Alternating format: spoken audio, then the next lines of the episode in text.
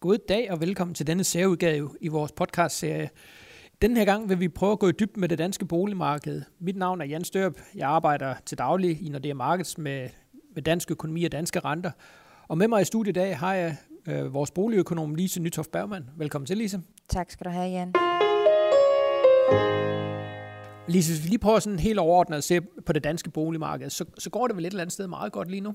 Ja, det er, er positive toner øh, rigtig mange steder i landet. Det vi kan se, det er, at de prisstigninger, som der startede i, i hovedstaden for en 5-6 år siden, de nu er ved at nå ud til, til størstedelen af, af Danmarkskortet, og dermed så er der altså også øh, langt de fleste boligejere, som der i øjeblikket oplever, at priserne i deres lokalområde, de stiger.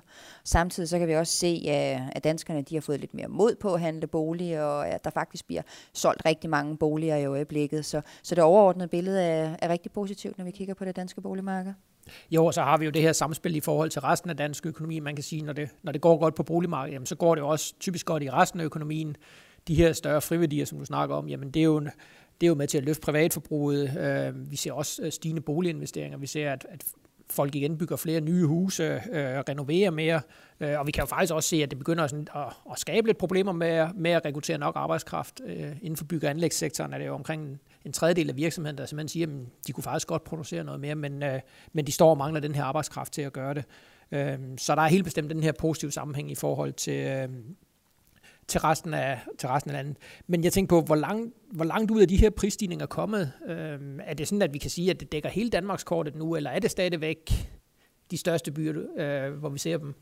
Altså hele Danmarkskortet, det er sådan nok lidt, lidt flot sagt. Altså vi skal stadigvæk øh, holde fast i, at der er nogle, nogle yderområder, hvor det er, at priserne ikke stiger. Og det er selvfølgelig særligt på grund af, at man stadigvæk har den her tendens, hvor folk flytter fra landet og ind mod byerne. Og det betyder altså, selvom man bliver væsentligt flere øh, indbyggere i, i de store byer, og også i de mindre byer øh, ind omkring øh, centrum af byerne, så er der altså stadigvæk nogle landområder, der har det lidt svært. Der er simpelthen fraflytning for områderne, og, og befolkningen bliver ældre, og det er altså generelt set ikke noget, som der, som der gavner boligpriserne.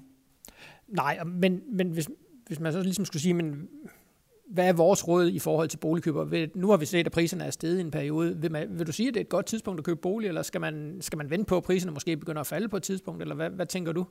Jamen, vi har altid det råd til nye boligkøbere, man skal bruge, købe med brug for øje. Så hvis det er nu, man ligesom har, har, har brug for at, at, at få et tag over hovedet, jamen, så er det også det rigtige tidspunkt at købe bolig på. Og det andet råd, vi så også har, det er, at udover at man skal købe med brug for øje, så skal man altså også helst have en lang tidshorisont, hvis det er, man går ud i, i, i fast ejendom, ellers så skal man finde en lejebolig i stedet for at og hvis det så er, at der er nogle steder i området, hvor man måske nærmest er lidt bekymret for, om man skal købe bolig på nuværende tidspunkt, fordi priserne er jo høje i steder, som, øh, som på det københavnske ejerlejlighedsmarked, jamen, så er det det tredje gode råd der, så kan man jo så overveje et fastforrentet lån, for vi tror, at, er en af de store risikofaktorer til, hvis priserne skulle begynde at falde igen, det vil altså være, hvis det er, at renten den begynder at, at stige. Og lige netop med et fastforrentet lån, jamen, så kan det godt være, at, at renten stiger, og det får boligpriserne til at falde, men så man i hvert fald i det tilfælde kunne indfri sit boliglån for færre penge, end det man rent faktisk skylder, og så vinder man altså lidt på karusellerne, hvad man taber på gyngerne. Så så generelt set, køb med brug for øje, sørg for at have en lang tidshorisont, og hvis det så lige er i de her områder, hvor at, at boligpriserne er steget rigtig meget, så prøv lige at overveje et, et fast forrentet lån. Men, men, og det er jo også noget af det, som vi ser, også i modsætning til, til, til sidste gang, hvor det gik rigtig hurtigt fremad på boligmarkedet. Altså vi ser jo også flere og flere, der, der vælger de her fastforrentede lån og vælger at tage med afdrag.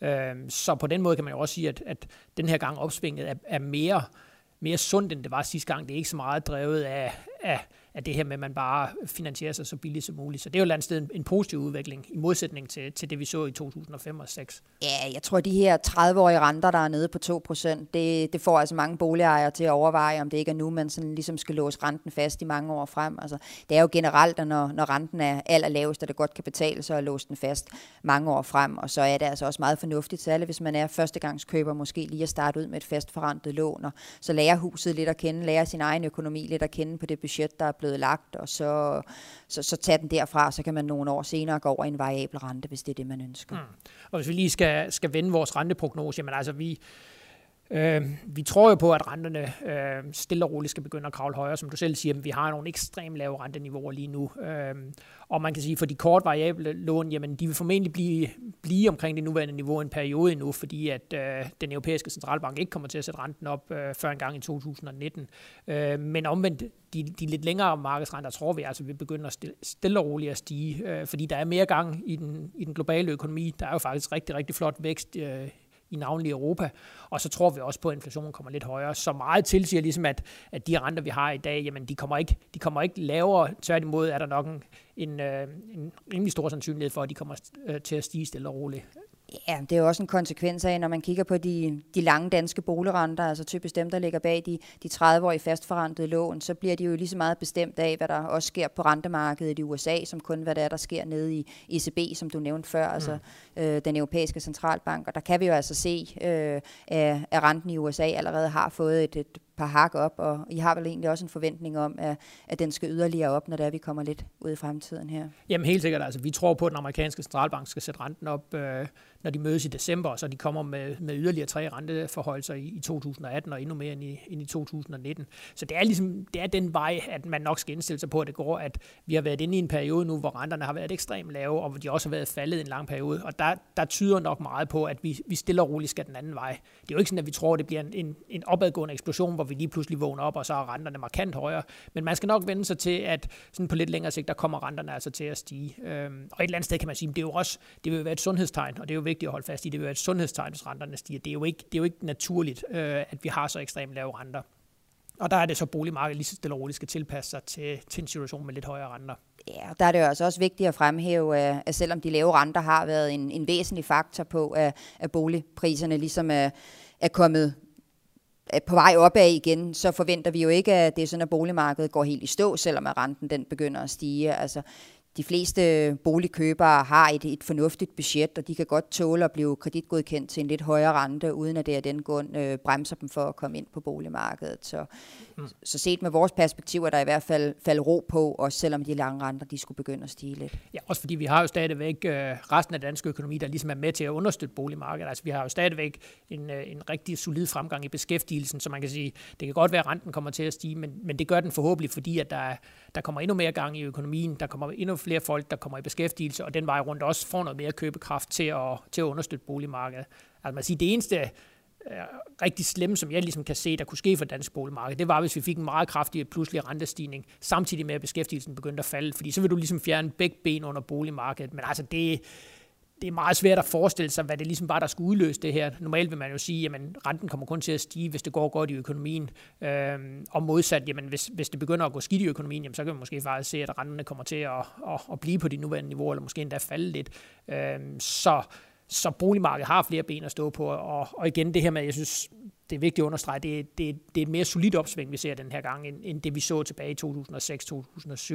Og det er også derfor, vi mener jo ikke, at der er, der er i nu at tale om en boligboble, i hvert fald når vi kigger sådan generelt på dan, øh, det danske boligmarked. Altså der er ikke nogen boble, ligesom der var øh, tilbage i 2006 og 2007. Det er, det er meget mere sundt, det der sker den her gang. Ja, bekymringsrynken findes vel primært på, på de københavnske ejerlejligheder, som der altså er stedet mere end man sådan lige kan forklare ved de, ved de underliggende mm. økonomiske faktorer her i, i, i løbet af de seneste år. Men der er det jo så også vigtigt at, at holde sig for øje, at der jo faktisk, rent faktisk er noget ny regulering på vej, som der altså skal, skal, skal afhjælpe øh, de her kraftigt stigende boligpriser. Jamen, og, når, og vi nu snakker regulering, hvad, øh, altså regeringen har jo, har jo allerede gennemført flere tiltag, hvor man ligesom har været inde og sige, at vi skal ikke lave de samme fejl, som vi lavede øh, øh, under det tidlige opsving. Vi bliver nødt til at sikre os, at, at boligejerne er mere robuste til at, til at imødegå, hvis nu renten kommer til at stige på et tidspunkt, eller hvis nu der sker et eller andet, jamen så, så skal vi have mere, mere øh, robusthed ind på, på boligmarkedet. Øh, det seneste, som øh, regeringen har, har indført, det er jo, at man fra årsskiftet vil, vil stramme yderligere op, navnligt for de boligejere, der har en høj gæld. Øh, de kommer til at virke her fra, fra årsskiftet. Hvordan tror du, den her nye regulering, hvordan tror du, den vil påvirke boligmarkedet? Det, der ligger i de her nye regler, det er, at regeringen går ind og siger, at hvis det er, at man har, har brug for et risikabelt lån, og det definerer man som om, at man har brug for et lån, der er mere end fire gange så stor som, som den husstandsindkomst, man har før skat, så er der altså ikke frit valg på alle lånehylder længere. Så skal man altså vælge et af de her lidt mere sikre låntyper. Og det betyder sådan ret konkret, at hvis der man hører ind under den her gruppe, som der altså har brug for at låne mere end fire gange husstandsindkomsten, så kan man vælge mellem et fastforrentet lån med afdrag, et fastforrentet lån uden afdrag, og så et F5-lån med afdrag. Og alle de øvrige låntyper, altså dem her med variabel rente og, og afdragsfrihed, dem har man så ikke mulighed for at, at få fingrene i længere. Nej, ja, og jeg vil bare sige, det, altså, øh, i, det, i det oprindelige udspil, der lå for regeringen, der havde man jo udpeget de her vækstområder, Aarhus og København. Det har man taget ud øh, af, det endelige, af, den, af den endelige lovtekst, men, men det er jo stadigvæk primært i de områder, som, hvor det nye tiltag kommer til at virke.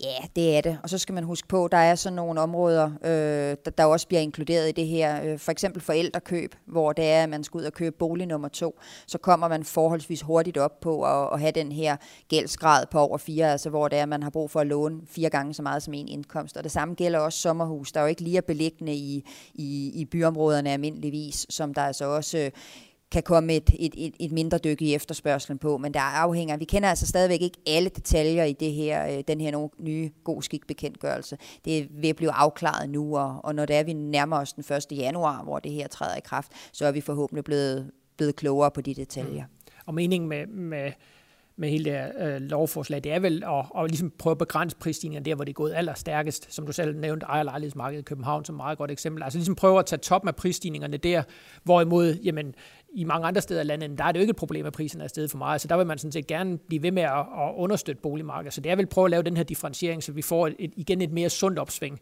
Øh, og sådan som jeg i hvert fald meget klart ser det, som, øh, som myndighederne gør i øjeblikket, jamen, så er det jo, man har virkelig lært af de erfaringer, øh, som man som man ligesom lærte på den hårde måde under den tidligere, øh, eller under den tidligere opsving på boligmarkedet. Det er nogle af de fejl, man prøver at undgå at lave den her gang. Ja, det er sådan et, det, man kalder et makropotentielt tiltag, hvor man, man både prøver at sørge for, at at hvis det er, at det er en boble, der er ved at blive bygget op på mm. nogle af de her mm, bolig, dele af boligmarkedet, hvor priserne er steget rigtig meget de seneste år, jamen øh, så vil man forsøge at, at tage toppen af de prisstigninger, men man vil samtidig også forsøge, at hvis det er, at der så går hul på den her boble, øh, at det hele så lander lidt blødere, og det vil det altså gøre, hvis det er boligejerne, som der, der har været ude at købe på et dyrt tidspunkt, ja, så, så har nogle mere sikre lån. Så man prøver ligesom at at iværksætte et tiltag, som, som der kan afhjælpe, øh, hvis det er, der er en boble. Og det er jo vigtigt ligesom at fremhæve det her med, om der er en boble, eller om der ikke er en boble. Det er altså erfaringsmæssigt noget, man sådan først kan sige med sikkerhed, når det er, man står og, og, og kigger tilbage i tiden, i stedet for at kigge frem. Ja, det er, det, det er tit nemmere at kigge i, i bagspejlet.